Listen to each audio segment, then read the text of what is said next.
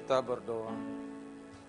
Terima kasih untuk hadirat Tuhan yang boleh kami rasakan malam hari ini.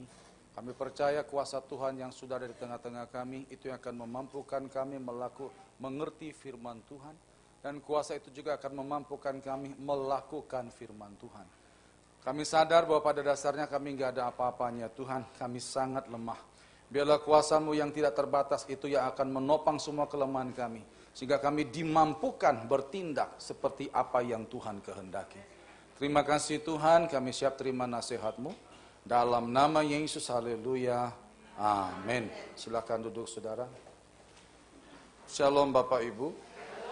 Baik kita akan belajar firman Tuhan, buka bersama dengan saya. 1 Samuel 1, ayat 1 sampai ayat yang ke-10. 1 Samuel 1, ayat 1 sampai ayat yang ke-10. Kalau saudara bawa Alkitab, tolong tandai di situ karena kita akan banyak bahas di situ. 1 Samuel 1 ayat 1 sampai 10 kita akan membaca saling sahut bersahutan. Saya ayat pertama, saudara ayat yang kedua, demikian seterusnya sampai tiba pembacaan ayat yang ke-10. 1 Samuel 1 ayat 1 sampai 10 perikopnya lahirnya Samuel. Ada seorang laki-laki dari Ramataim Zofim dari pegunungan Efraim, namanya Elkana bin Yeroham bin Elihu bin Tohu bin Zuf, seorang Efraim.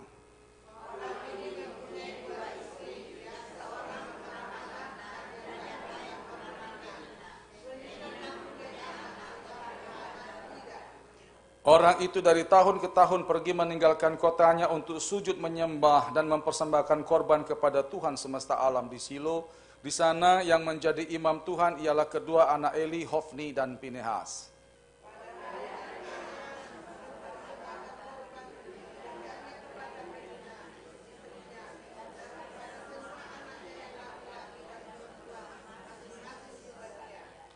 Meskipun ia mengasihi Hana, ia memberikan kepada Hana hanya satu bagian sebab Tuhan telah menutup kandungannya.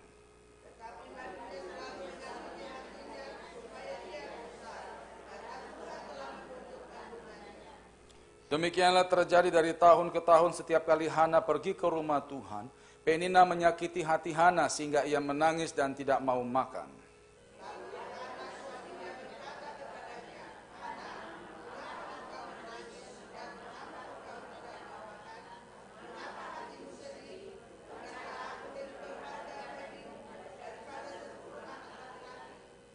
Pada suatu kali setelah mereka habis makan dan minum di Silo, berdirilah Hana, sedang Imam Eli duduk di kursi dekat tiang pintu bait suci Tuhan.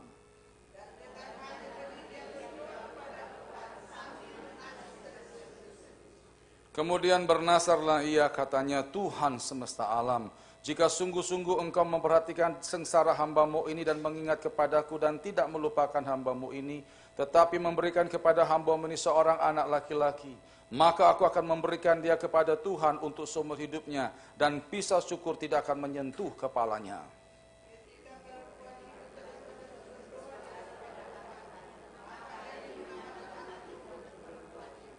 Demikian firman Tuhan. Ya. Terus saya lompat ayat yang ke-20.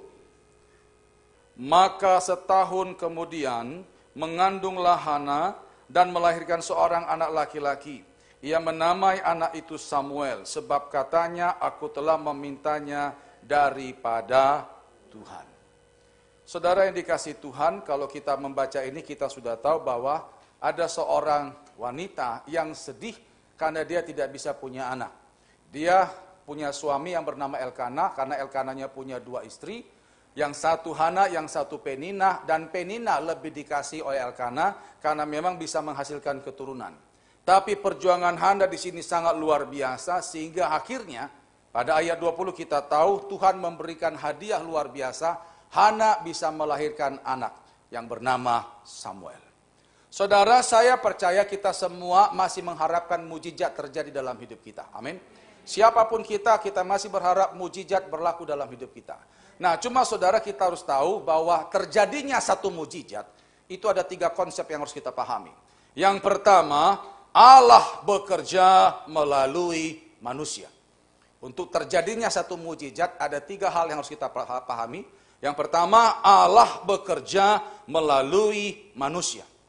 Apakah Tuhan tidak bisa bekerja sendiri? Bisa. Kalaupun Tuhan memakai manusia, itu supaya jadi rekan sekerja Allah. Saudara bisa lihat di Alkitab bagaimana Tuhan bekerja melalui manusia, yaitu pada saat roh Tuhan hingga pada para hambanya. Begitu roh Tuhan hingga pada Deborah, Yefta, Simpson, dan para hamba-hamba Tuhan yang luar biasa. Apalagi di kisah para rasul, lihat. Mereka dipakai Tuhan untuk melaksanakan semua rencana dan kehendak Tuhan. Jadi Tuhan butuh manusia untuk menyatakan kuasanya. Allah bekerja melalui manusia. Ini konsep pertama yang harus kita pahami. Yang kedua, manusia membutuhkan kuasa Allah. Manusia membutuhkan kuasa Allah. Kalau tadi Allah butuh manusia menjadi rekan sekerjanya, nah yang kedua, manusia butuh kuasa Tuhan karena manusia itu terbatas. Kita butuh kuasa Tuhan karena kita terbatas. Buka pengkhotbah 6, satu Samuel tadi tandai dulu saudara ya. Pengkhotbah 6, ayat yang ke-10. Pengkhotbah 6, ayat yang ke-10. Dikatakan di sana, apa pun yang ada sudah lama disebut namanya dan sudah diketahui siapa manusia yaitu bahwa ia tidak dapat mengadakan perkara dengan yang lebih kuat daripadanya. Dari ayat ini kita simpulkan bahwa manusia itu terbatas. Dia nggak bisa berbuat apa-apa kalau dia berhadapan dengan sesuatu yang lebih kuat daripada dia. Makanya dia butuh kuasa Tuhan. Ini konsep yang kedua. Manusia butuh kuasa Allah karena manusia terbatas. Nah konsep yang ketiga, Allah bekerja ketika manusia mulai bekerja. Allah bekerja ketika manusia mulai bekerja. Perhatikan yang pertama tadi, Allah butuh manusia untuk menjadi perpanjangan tangannya. Allah butuh manusia untuk dipakai menyatakan kuasanya. Nah, manusia butuh Tuhan karena manusia terbatas. Nah, yang ketiga, Allah bekerja ketika manusia mulai bekerja. Pada waktu Musa lakukan tongkatnya dipukul ke air, pas di situ baru Tuhan bertindak membelah itu laut. Pada waktu suku Lewi mengangkat, mengangkat tabut perjanjian melewati sungai Yordan, kaki pertama yang menginjak sungai itu tas, barulah Tuhan bekerja menutup sungai Yordan. Allah bekerja ketika manusia mulai bekerja. Aksi kita akan menentukan reaksi Tuhan. Nah, dari tiga konsep ini kita lihat kasusnya Hana. Apa yang Hana kerjakan sehingga akhirnya Tuhan bekerja? Apa yang Hana lakukan sehingga akhirnya Tuhan lakukan mujizat bagi kehidupan anak. Ingat saudara ya, Tuhan bekerja ketika kita mulai bekerja. Pegang itu konsep. Nah, apa yang Hana lakukan sehingga akhirnya Tuhan bekerja? Saya temukan ada tiga sikap dari Hana yang akan kita lihat dalam firman Tuhan ini. Yang pertama, Hana adalah pribadi yang lebih fokus kepada Tuhan sekalipun keadaannya makin memburuk. Hana adalah pribadi yang selalu fokus pada Tuhan sekalipun keadaannya makin memburuk. Coba kembali ke satu Samuel tadi saudara. Kalau Bapak Ibu perhatikan, di sana ada tiga tantangan yang Hana hadapi. Ya. Sebelumnya saya mau jelaskan saudara ya. Kita ini kalau menghadapi sesuatu, misalnya kita doa, kita doa, kita doa, kita berjuang, kita bekerja. Lalu dengan hasil doa dan perjuangan itu keadaan yang kita hadapi makin membaik, pasti kita lebih semangat. Ya kan? Kita doa, kita sakit, kita doa, kemudian hasil doa itu badan kok agak enteng, itu semakin bergairah. Itu wajar. Tapi apakah engkau tetap setia berdoa? Apakah engkau tetap fokus pada Tuhan sementara yang kau perjuangkan kok belum ketemu titik terangnya? Nah di sini Hana ngalami begitu. Dia tetap fokus pada Tuhan sekalipun keadaannya makin buruk. Kenapa dikatakan makin buruk? Karena Hana menghadapi ada tiga tantangan. Yang pertama, dia berhadapan dengan Penina. Perhatikan 1 Samuel 1 tadi, ayat 6 sampai 7. Ini tantangan yang dihadapi oleh Hana. 1 Samuel 1 ayat 6 sampai 7. Tetapi madunya selalu apa Saudara? Menyakiti hatinya supaya ia gusar karena Tuhan telah menutup kandungannya. Demikianlah terjadi dari tahun ke tahun setiap kali Hana pergi ke rumah Tuhan. Penina menyakiti hati Hana sehingga ia menangis dan tidak mau makan. Lihat tekanan yang Penina lakukan terhadap Hana berapa bulan saudara? Dari tahun ke tahun. Jadi tahunan itu. Bayangkan saudara, dia hidup satu rumah yang tiap hari nyinjir-nyinjir, singgung-singgung dia. Dan itu tahunan. Itu yang pertama yang Hana hadapi. Yang kedua adalah dari sikap suaminya, si Elkana. Mari buka pada ayat yang kelima. Ini tantangan yang kedua yang Hana hadapi. Ayat yang kelima. Meskipun ia mengasihi Hana, ia memberikan kepada Hana hanya satu bagian. Sebab Tuhan telah menutup kandungannya. Elkana kalau ditanya, apakah engkau mengasihi Hana? Aku mengasihi. Tapi buktinya, dalam pembagian Hana dikasih sedikit. Saya berpikir ya mungkin manusiawilah. Karena pada dasarnya saudara, kita ini akan lebih banyak mengasihi kepada orang yang menghasilkan sesuatu bagi kita. Sekali lagi saudara ya, kita akan lebih banyak memperhatikan orang yang bisa menghasilkan sesuatu bagi kita. Itu sifat manusiawi. Contohlah, saudara misalnya punya anak ada dua orang. Anak saudara masing-masing sudah lulus kuliah. Yang satu kerja, yang satu nganggur. Kalau saudara ditanya apakah saudara mengasihi anak-anak saudara? Ya, kita mengasihi. Tapi siapa yang lebih engkau banggakan? Yang kerja. Karena yang kerja sudah memberi sesuatu kepada saudara. Demikian juga Elkana. Sekalipun dia katakan mengasihi anak, tapi cenderung hatinya bangga kepada Penina. Karena bisa menghasilkan keturunan.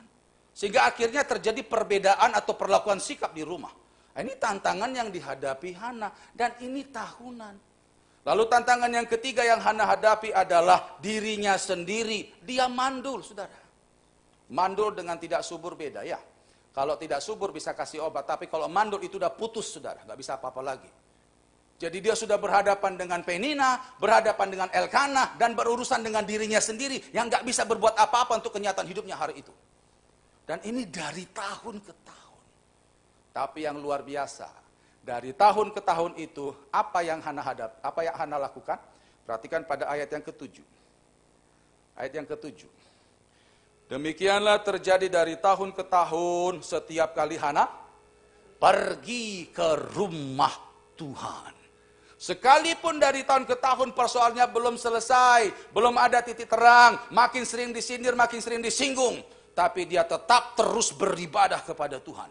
Dan yang luar biasa, ibadahnya Hana nggak sembarangan ibadah. Saudara tahu seperti apa sikap Hana kalau beribadah? Perhatikan ayat 12. Ayat 12 sampai ayat 15 saya bacakan. Dan karena Hana, eh ketika perempuan itu terus menerus berdoa di hadapan Tuhan, terus menerus berdoa di hadapan Tuhan, maka Eli mengamang-amati mulut perempuan itu. Dan karena Hana berkata-kata dalam hatinya dan hanya bibirnya yang bergerak-gerak, tetapi suaranya tidak kedengaran, maka Eli menyangka perempuan itu mabuk. Lalu kata Eli kepadanya, berapa lama lagi engkau berlaku sebagai orang mabuk? Lepaskanlah dirimu daripada mabukmu. Tetapi Hana menjawab, bukan tuanku. Aku seorang perempuan yang sangat bersusah hati anggur ataupun minuman yang memabukkan tidak kuminum, melainkan aku mencurahkan isi hatiku di hadapan Tuhan. Hana kalau sudah masuk rumah Tuhan, dia nggak peduli siapa pun di situ, seolah-olah di tempat itu hanya dia dan Tuhan. Sehingga akhirnya waktu dia curhat, dia nggak lihat kalau Imam Eli memperhatikan. Dia cuma curahkan isi hatinya ke sana. Dan itu dari tahun ke tahun kayak gitu. Jadi perhatikan ya, kualitas ibadahnya itu gak sembarangan. Jujur saudara ya, orang kalau sudah punya masalah tahunan, semangat ibadah juga makin lama makin turun saudara biasanya. Karena dia berpikir apa? Ah, percuma ibadah, toh juga kenyataan tidak berubah. Tapi Hana tidak. Sekalipun dari ke tahun ke tahun dia belum temukan jawaban, keadaan kok seolah-olah makin memburuk, tapi dia tetap fokus beribadah dan kualitas ibadahnya adalah ibadah yang luar biasa. Tidak aras-arasan, Jujur saudara ya, engkau ada masalah ibadahmu asal-asalan. Bagaimana Tuhan bisa bertindak? Sekali lagi ya saudara ya, Tuhan bekerja ketika kita mulai bah, bekerja. Tuhan akan nyatakan kuasanya kalau engkau sungguh-sungguh beribadah. Ya. Saya waktu itu pernah ngisi di apa HFC Kota. Saya sampai hari ini masih ingat itu kesaksian Ibu Grace namanya, luar biasa. Seorang ibu yang memang pakai Tuhan ya. Jadi ibu ini dia kesaksian waktu masih muda, dia kena masalah hernia, sakit hernia. Wanita kan biasanya jarang ya kena hernia, biasanya laki-laki ya. Tapi kalau wanita bisa kena hernia itu biasanya pekerja keras. Nah ibu ini memang pekerja keras. Jadi hernia akhirnya di apa dijahit lagi diangkat apa susnya turun itu. Nah habis hernia saudara kena tumor kandungan.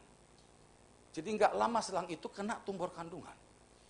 Dokter sempat sarankan ini mumpung masih belum banyak coba kamu segera nikah. Dia belum nikah saudara. Coba kamu segera nikah nanti supaya nanti kamu bisa lekas bisa punya anak. Akhirnya dia ngomong sama tunangannya, diaturlah cepat nikah. Ya, ternyata tumornya yang lebih cepat. Tumornya sudah banyak. Akhirnya nggak sempat punya anak, dia apa namanya itu dibersihkan saudara ya, dikerok gitu saudara ya. Dan itu kan proses lagi sudah ada beberapa kali. Nah habis itu saudara selesai tumor kandungan masih belum bisa punya anak karena beberapa bulan kemudian kena kanker kandungan. Jadi dari hernia tumor kandungan, kanker kandungan. Yang saya selalu lihat kesaksian ibu itu, sekalipun beruntun, tapi semangat ibadahnya itu begini. Dia tidak mengeluh, dia tidak berkata, Tuhan kenapa kok beruntun? Enggak. Entah kenapa di tengah-tengah yang makin memburuk itu, dia tetap yakin Tuhan pasti buka jalan. Jadi entah waktu dia kesaksian, dia bilang, ada dorongan di hatiku bahwa aku yakin aku pasti bisa sembuh. Sekalipun dia harus lewati terapi dokter, saudara. Akhirnya dia lewati lagi saudara kemoterapi. Diadakan kemo saudara sampai beberapa kali. Kemo itu sakit loh saudara. Ya sakit. Sampai kepalanya juga gundul. Jadi sudah berapa kali kemo gundul saudara. Sudah berapa kali kemo ternyata kemonya nggak berhasil saudara ya. Ternyata kanker itu udah ke mana-mana katanya. Dan dokter vonis harus angkat kandungan. Dari hernia, tumor kandungan, kanker kandungan akhirnya harus angkat kandungan. Seorang wanita baru menikah, belum punya anak, kandungan diangkat itu sama dengan kiamat, saudara. Malu nanti dia gimana kata orang belum punya anak. Ya, tapi yang luar biasa, dia tetap yakin Tuhan akan buka jalan. Jadi waktu dokter Indonesia berkata harus angkat kandungan, keluarga sempat berembuk, coba kita bawa ke Singapura. Siapa tahu di sana ada alternatif lain untuk tidak diangkat. Akhirnya waktu di Singapura diperiksa, ya memang harus diangkat. Karena ternyata memang kankernya sudah parah. Ya, harus diangkat. Nah, dalam masa-masa penantian untuk operasi itu saudara ya, dia dalam seminggu dua minggu itu dia doa pada Tuhan, dia semangatnya nggak berubah. Keluarganya cuma ngikutin aja lah, suaminya cuma serahkan pada Tuhan. Tapi dia berarti, dia dia yakin bahwa Tuhan masih buka jalan. Ditambah lagi jam doanya, tambah lagi puasanya saudara. Wah itu luar biasa saya dengar saksian itu. Nah, akhirnya saudara pas hari hanya Pas mau dioperasi saudara, nah dokter Singapura kan ketat ya, sekalipun hasilnya mungkin sudah seminggu dua minggu lalu sudah dilihat, begitu masuk meja operasi, periksa lagi saudara. Nah waktu diperiksa itu dokter kaget karena kankernya sudah tidak ada. Jadi dia sampai dokter heran, dibandingkan hari ini sama minggu lalu, lo kok beda betul ya? Akhirnya dokter ambil keputusan, coba periksa lagi. Siapa tahu ada yang salah periksa ini alat. Waktu diperiksa lagi, cek lagi segala macam, memang bersih. Nah, akhirnya dokter bilang, ini mujizat Tuhan. Nah, terus Bu Grace bilang gini, Bapak Ibu, apa yang saya kesaksi tadi, itu terjadi 10 tahun yang lalu. Nah, itu baru hebat. Kenapa? Biasanya orang saudara ya habis sembuh, saking semangatnya kesaksian, pulang kesaksian bulan depan sakit lagi. Ada yang begitu saudara. Saya percaya kesembuhan dari Tuhan itu awet. Amin ya. Dia bilang itu 10 tahun yang lalu. Dan sekarang saya sudah punya anak dua. Ah, itu baru hebat, saudara. Tepuk tangan bagi Tuhan. Saya bukan kagum masalah sehatnya, sembuhnya dia. Tidak. Tapi bagaimana sikapnya melewati masa-masa susah itu yang perlu kita teladani. Bagi Tuhan lakukan mujizat gampang saudara. Amin. Tapi ingat tadi ya, Tuhan bekerja ketika kita mulai bekerja. Tuhan akan lakukan bagiannya kalau saudara lakukan bagian saudara. Iya. Bagi Tuhan mujizat gampang. Tapi yang saya selalu lihat ibu ini adalah di tengah-tengah suasana yang makin parah itu, dia tetap fokus kepada Tuhan. Dia tetap berharap pada Tuhan sekalipun keadaannya makin mem memburuk. Nah itu Hana. Sekalipun keadaan makin memburuk, tekanan luar biasa di rumahnya sendiri, berhadapan dengan orang rumah sendiri tahunan. Tapi jam ibadahnya, fokusnya kepada Tuhan tetap stabil. Itu dia. Hal yang pertama, kenapa Tuhan bekerja dalam hidup Hana? Karena dia fokus pada Tuhan sekalipun keadaan makin memburuk. Yang kedua, kembali ke satu Samuel tadi saudara. 1 Samuel 1, kalau saudara perhatikan ayat 1 sampai 18, ayat 1 sampai 18 itu Hana dalam masa-masa menghadapi masalah. Ayat 1 sampai 18. Dan pada waktu dia menghadapi masalah, dia rajin berdoa. Terus kalau saudara amati lagi ayat 19 sampai ayat 28, nah di situ adalah jamahan Tuhan menyelesaikan masalahnya. Dia dapat anak. Dan saudara perhatikan, dia tetap setia beribadah pada Tuhan. Waktu lagi masalah banyak, dia setia beribadah. Waktu masalahnya selesai, dia pun tetap setia beribadah. Saya temukan poin yang kedua, kenapa Tuhan bekerja dalam hidup Hana? Karena Hana menempatkan Tuhan selayaknya Tuhan. Hana menempatkan Tuhan selayaknya Tuhan. Jujur saudara ya, secara umum ada lima perlakuan manusia terhadap Tuhan ada lima perlakuan manusia terhadap Tuhan. Yang pertama, menganggap Tuhan sebagai alat pemenuhan kebutuhan hidup. Menganggap Tuhan sebagai alat pemenuhan kebutuhan hidup. Saudara sudah bisa baca dalam Lukas 17 ayat 17 sampai 18. Ya. Orang yang menganggap Tuhan sebagai alat pemenuhan kebutuhan hidup itu adalah orang yang hadap Tuhan kalau ada masalah aja. Begitu masalah selesai udah bubar. Saudara bisa lihat dalam Lukas 17 ayat 17 sampai 18 itu kisah 10 orang kusta yang datang ke Tuhan minta disembuhkan. Saya mau nanya, yang disembuhkan berapa orang saudara? 10. Yang kembali memuliakan Tuhan? Satu. Saya dapat rema di sana, orang yang diberkati Tuhan belum tentu berkenan di hadapan Tuhan. Tapi orang yang berkenan di hadapan Tuhan pasti sudah diberkati Tuhan. Mereka dapat berkat kesembuhan, tapi mereka bukan berkenan di hadapan Tuhan. Yang berkenan cuma satu. Nah, mereka hanya datang ke Tuhan hanya masalahnya kebutuhan apa? Kebutuhannya saja. Begitu kebutuhan sudah tercukupi, udah bubar sudah. Ada orang kayak gitu, ada. Jadi menganggap Tuhan sebagai alat pemenuhan kebutuhan hidup. Yang kedua, menganggap Tuhan sebagai kacungnya. Menganggap Tuhan sebagai kacungnya. Ini adalah orang yang selalu pakai Tuhan, apa? Memaksa Tuhan. Tuhan, aku percaya ini rencanaku pasti terjadi, pasti terjadi, pasti terjadi. Yang kayak gini-gini saudara sering kecewa sama Tuhan. Ya, mari buka Yakobus 4 ayat 2 sampai 3. Yakobus 4 ayat 2 sampai 3. Saya pernah doakan ada jemaat di rumah sakit. Dan ternyata jemaat ini sudah jarang ke gereja. Kebetulan saya direferensi sama teman, Pak tolong doakan teman saya. Jadi waktu saya datang ke sana, ternyata jemaat ini sudah nggak ke gereja dua tahun. Ya. Saya tanya, kenapa Bapak Anda ke gereja dua tahun? Percuma Pak. Saya doa katanya harus yakin sembuh, yakin sembuh. Ternyata apa? Apa saya nggak sangka sembuh-sembuh. Ya. Padahal saya sudah yakin, harus sembuh, yakin sembuh, yakin sembuh. Buktinya mana? Saya bilang, Pak, saya mau nanya. Bapak berdoa supaya kehendak Bapak yang terjadi atau kehendak Tuhan yang terjadi? Diam dia, saudara. Kalau supaya kehendakmu yang terjadi, berarti Tuhan tuh jadi kacungmu. Tak bilang itu saudara. Ingat, semua doa hanya satu kuncinya. Kehendak Tuhan yang terjadi. Bukan kita. Nanti kita akan lihat ayatnya.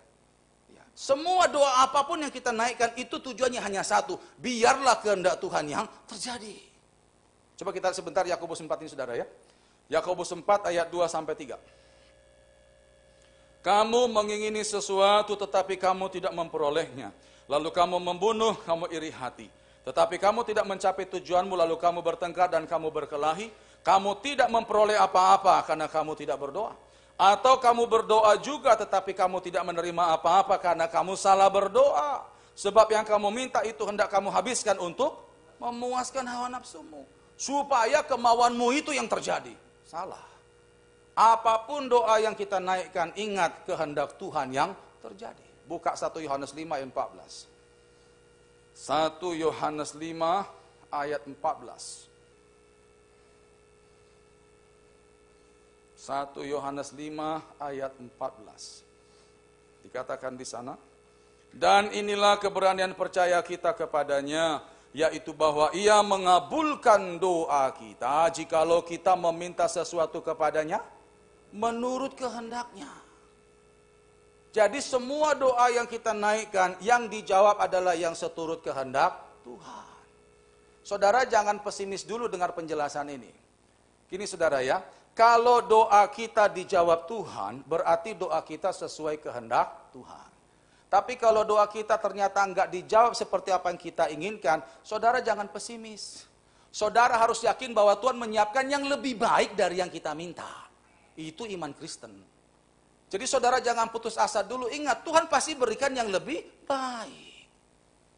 Tapi ingat, semua doa yang dijawab adalah doa sesuai kehendak tapi jujur, ada orang memperlakukan Tuhan kayak gitu sebagai kacungnya. Pokoknya Tuhan dalam nama Yesus terjadi.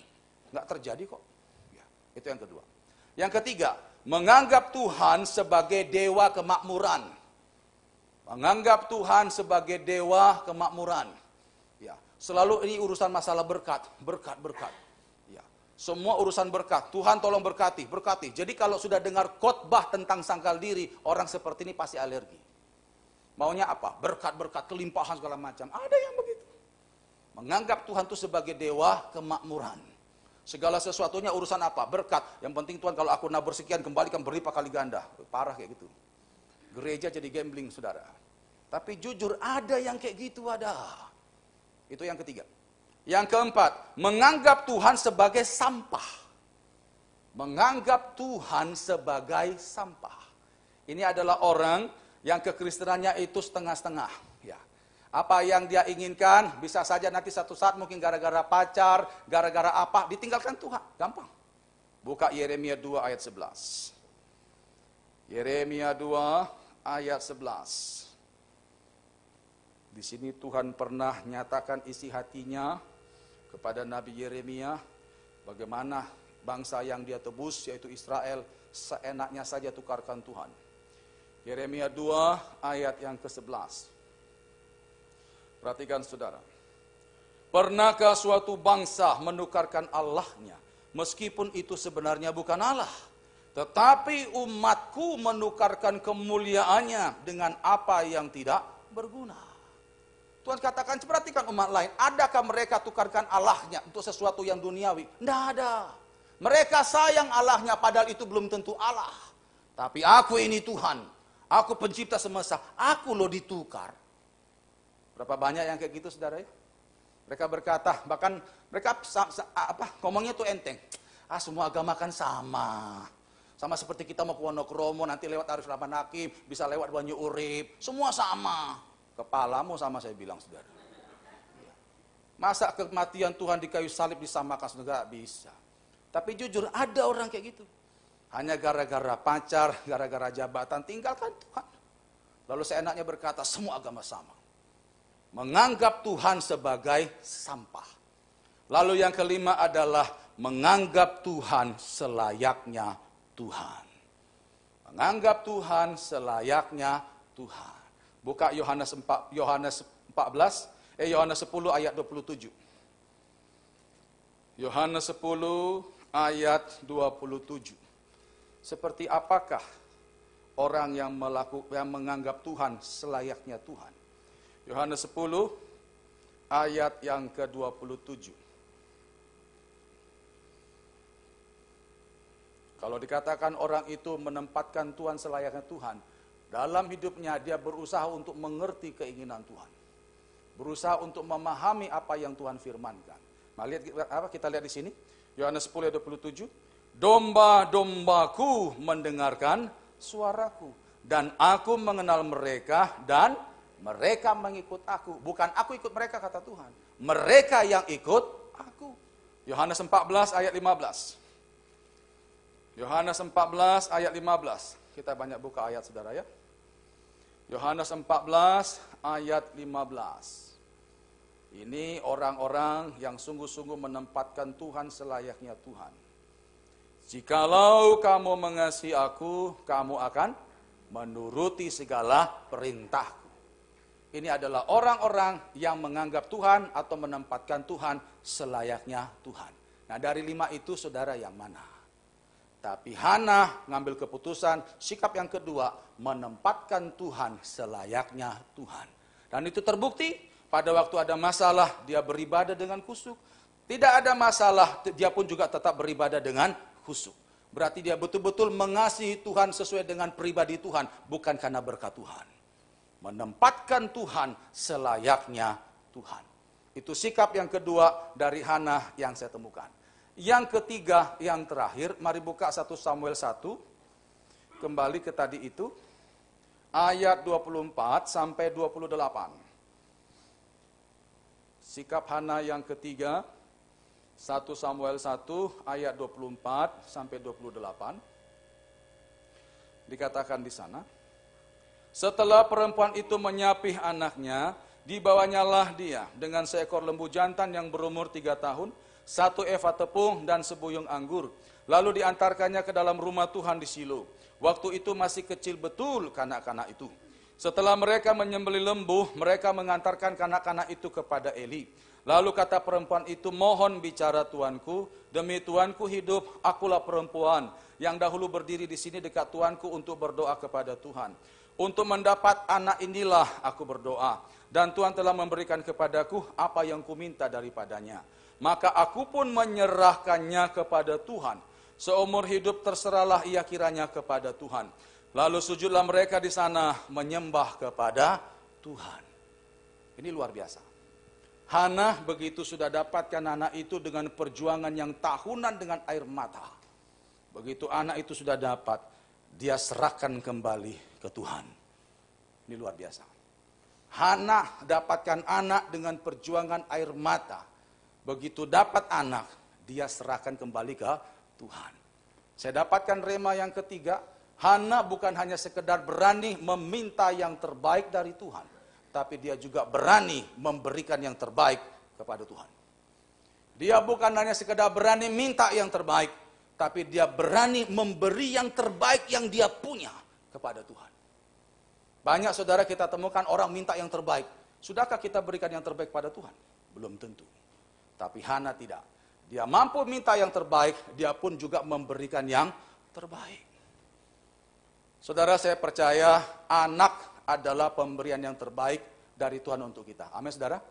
Tapi pernahkah saudara serahkan anak saudara untuk yang terbaik bagi Tuhan? Maaf saudara ya maaf, maaf. Ini cuman sekedar Tanya saja supaya saudara berpikir. Kalau misalnya saudara punya anak yang cerdas, pintar, brilian, ranking di sekolah, waktu sekolah SD, SMP, SMA, pernah nggak saudara berpikir waktu kuliahnya dimasukkan sekolah Alkitab? Pernah nggak saudara? Oh, ini cocok pendeta ini, cocok pendeta. Pernah? Jarang ya. Udah ranking SM, SD, SMP, SMA, ranking apalagi jerlian, jer apa brilian, otaknya IQ-nya bagus, pasti nanti kita arahkan ke mana? Teknik, dokter, pokoknya pengusaha lah. Kenapa kok kita nggak berpikir ini cocok pendeta? Kenapa? Nanti setelah nggak terima di mana-mana kan, ha, agak hang sedikit, nah ini pendeta, ini pendeta ini, cocok pendeta ini. Kenapa kok kita berat sekali ya nyekolahkan anak kita? Kenapa kok kita sulit sekali mengikhlaskan anak kita yang pintar itu untuk sekolah Alkitab? Kenapa? Kenapa? Padahal kita kepingin punya pendeta yang hebat khotbah kan? Iya. Saudara kalau misalnya saudara punya anak cerdas, pintar, brilian, sekolah Alkitab, lihat akan muncul orang-orang yang brilian memikirkan masa depan gereja.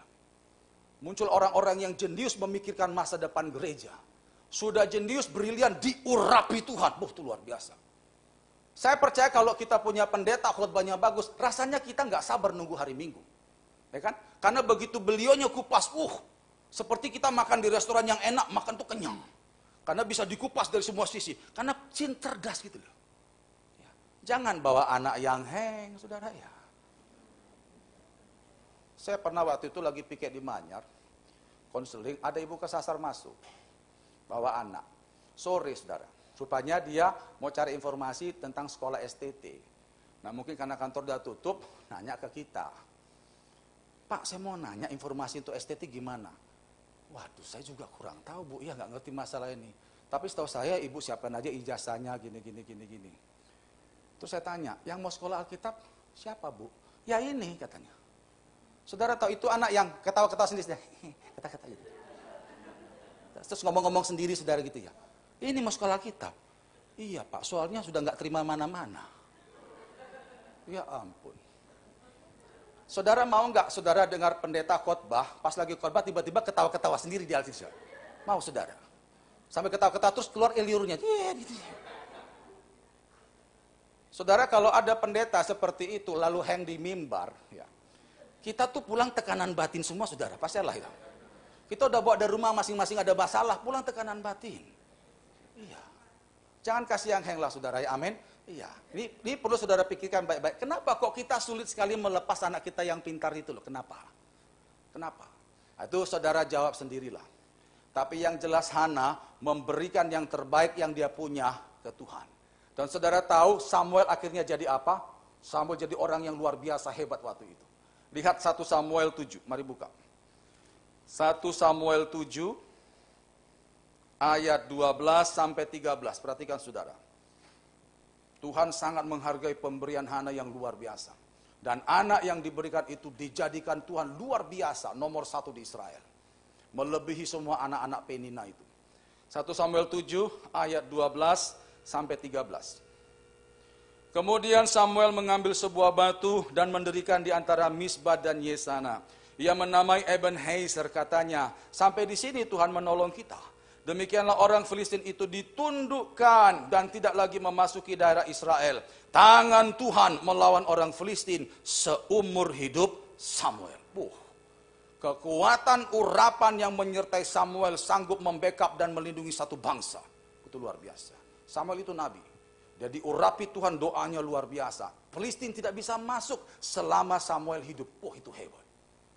Itu yang pertama yang didapatkan Samuel hadiah dari Tuhan. Yang kedua yang terakhir perhatikan 1 Samuel 7 ayat 15 sampai 17. 1 Samuel 7 ayat 15 sampai 17. Samuel memerintah sebagai apa Saudara? Hakim atas orang Israel seumur hidupnya. Dari tahun ke tahun ia berkeliling ke Betel, Gilgal, dan Mispa. Dan memerintah atas orang Israel di segala tempat itu. Lalu ia kembali ke Rama, sebab di sanalah rumahnya, dan di sanalah ia memerintah atas orang Israel. Dan di sana ia mendirikan mesbah bagi Tuhan. Waktu itu belum ada raja. Yang mengurapi raja pertama Israel adalah siapa Samuel. Itu Saul kan diurapi oleh Samuel. Daud juga diurapi oleh Samuel. Belum ada raja, otomatis Samuel yang memerintah. Udah urapannya dahsyat, kekuatan doanya luar biasa, dia menjadi hakim atas Israel. Lihat hebat dia. Kenapa bisa terjadi demikian? Karena ada seorang ibu yang berani bukan hanya berani minta yang terbaik dari Tuhan, tapi dia berani memberikan yang terbaik kepada Tuhan.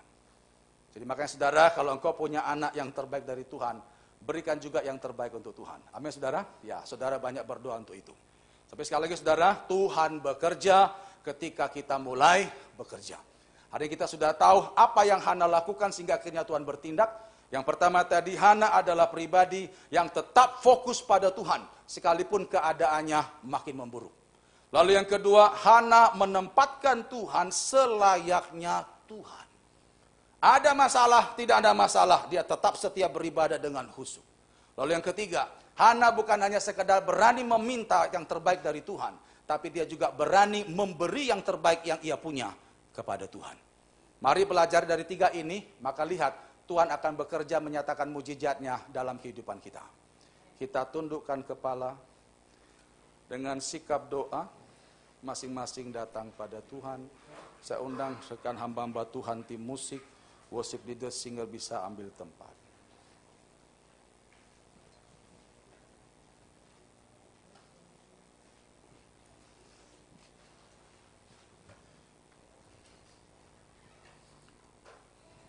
Dengan sikap doa kita naikkan pujian ini. Tuhan, kau sempurna dalam rencanamu dan karyamu. Ku serahkan